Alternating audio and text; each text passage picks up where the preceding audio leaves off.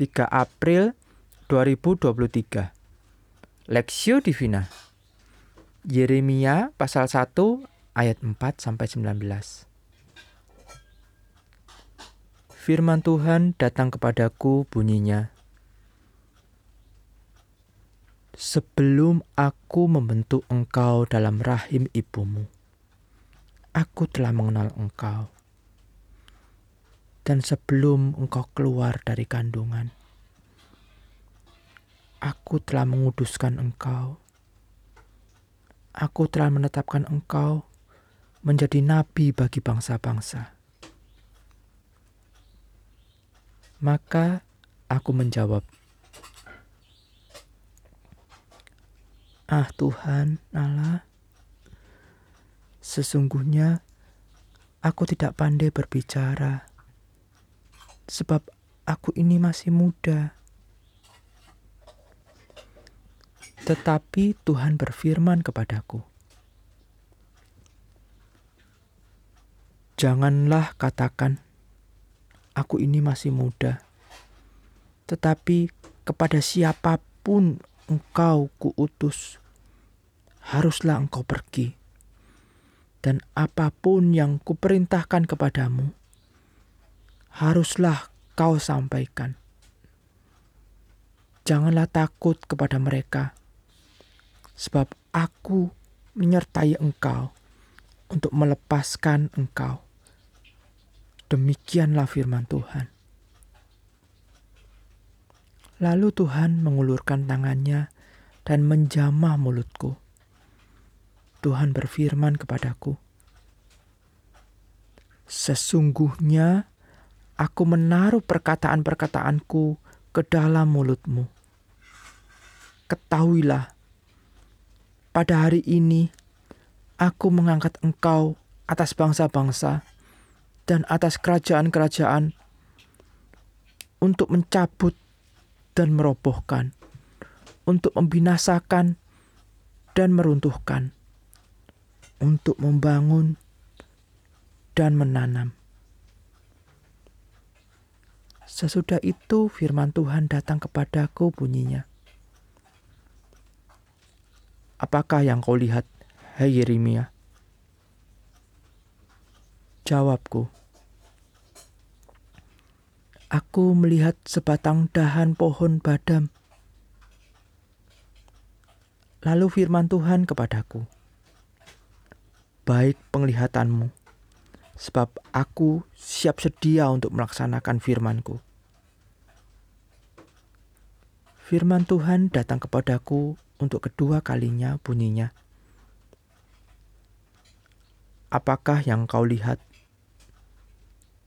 Jawabku. Aku melihat sebuah periuk yang mendidih. Datangnya dari sebelah utara. Lalu firman Tuhan kepadaku. Dari utara akan mengamuk malapetaka menimpa segala penduduk negeri ini. Sebab sesungguhnya aku memanggil segala kaum kerajaan sebelah utara. Demikianlah firman Tuhan. Dan mereka akan datang mendirikan tahtanya masing-masing di mulut pintu-pintu gerbang Yerusalem. Dekat segala tembok di sekelilingnya dan dekat segala kota Yehuda maka aku akan menjatuhkan hukumanku atas mereka. Karena segala kejahatan mereka, sebab mereka telah meninggalkan aku. Jangan membakar korban segala Allah lain dengan membakar korban kepada Allah lain dan sujud menyembah kepada buatan tangannya sendiri. Tetapi aku ini, baiklah engkau bersiap bangkitlah dan sampaikanlah kepada mereka segala yang kuperintahkan kepadamu. Janganlah gentar terhadap mereka, supaya jangan aku menggentarkan engkau di depan mereka. Mengenai aku, sesungguhnya pada hari ini aku membuat engkau menjadi kota yang berkubu, menjadi tiang besi dan menjadi tembok tembaga melawan seluruh negara negeri ini menentang raja-raja Yehuda dan pemuka-pemukanya, menentang para imamnya dan rakyat negeri ini. Mereka akan memerangi engkau, tetapi tidak akan mengalahkan engkau, sebab aku menyertai engkau untuk melepaskan engkau. Demikianlah firman Tuhan.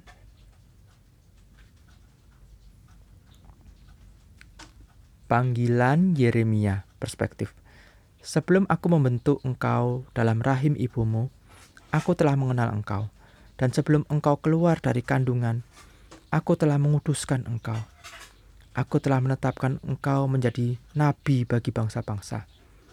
Yeremia pasal 1 ayat 5. William Borden, seorang anak muda lulusan Universitas Yale, yang terkemuka dan juga anak pasangan Borden yang kaya ditemukan tidak bernyawa pada tanggal 9 April 1913 di tempat tinggal yang sangat sederhana di Mesir. Di dalam Alkitab di meja kamarnya ditemukan tiga lembar tulisan No Reserve, No Retreat, No Record. Tulisan ini mencerminkan panggilan hidupnya akan pelayanan kepada kaum Kansu di Tiongkok yang membawanya rela meninggalkan kenyamanan hidup untuk belajar bahasa Arab di Mesir sebelum ke kaum Kansu Tiongkok untuk melayani mereka. Panggilan hidup Tuhan juga datang kepada seorang anak muda yang bernama Yeremia. Ketika panggilan itu datang, Allah menjelaskan bahwa panggilan itu sudah dirancangnya sebelumnya. Ayat 5. Namun kemudian ia menolak karena kemampuannya yang tidak mumpuni yang kemudian juga dijawab Allah sendiri bahwa ia akan memperlengkapi orang-orang yang dipanggilnya. Ayat 6 sampai 8. Lebih lanjut, Allah sendiri menjelaskan bahwa panggilannya takkan mudah. Yeremia akan menjadi nabi menjadi yang melawan raja-raja Israel, Lalim. Ayat 9 sampai 19. Yeremia akan menyampaikan hukuman Tuhan atas Israel yang beritanya berbeda dengan nabi-nabi palsu. Ia justru harus menyampaikan berita yang demikian kepada raja dan pembesar. Itu berarti hidupnya akan menjadi tidak nyaman dan hidup dalam ketakutan serta mengalami penganiayaan. Bahkan dalam kitab ratapan, Yeremia pernah meratap kepada Allah. Hidupnya penuh pahit dan penuh racun. Namun di tengah-tengah situasi demikian, Tuhan terus menguatkan dan menyertainya. Ayat 19. Tidak mudah memang, namun Allah akan memberi kekuatan ekstra untuk menjalankan panggilannya atas hidup Yeremia. Panggilan yang sama juga hadir atas hidup kita. Mari kita menaatinya dengan berjalan sesuai panggilan Tuhan yang dipercayakan bagi kita. Bagi yang rela meninggalkan kenyamanan hidup dan hidup sesuai panggilannya, akan disertainya dengan limpah. Panggilan Tuhan kepada setiap kita harusnya menjadi sebuah tujuan hidup anak Tuhan. Mari mengumpulkan panggilan Tuhan di dalam setiap kehidupan kita. Studi pribadi, bagaimana kita dapat memperoleh dan mengetahui panggilan Tuhan itu.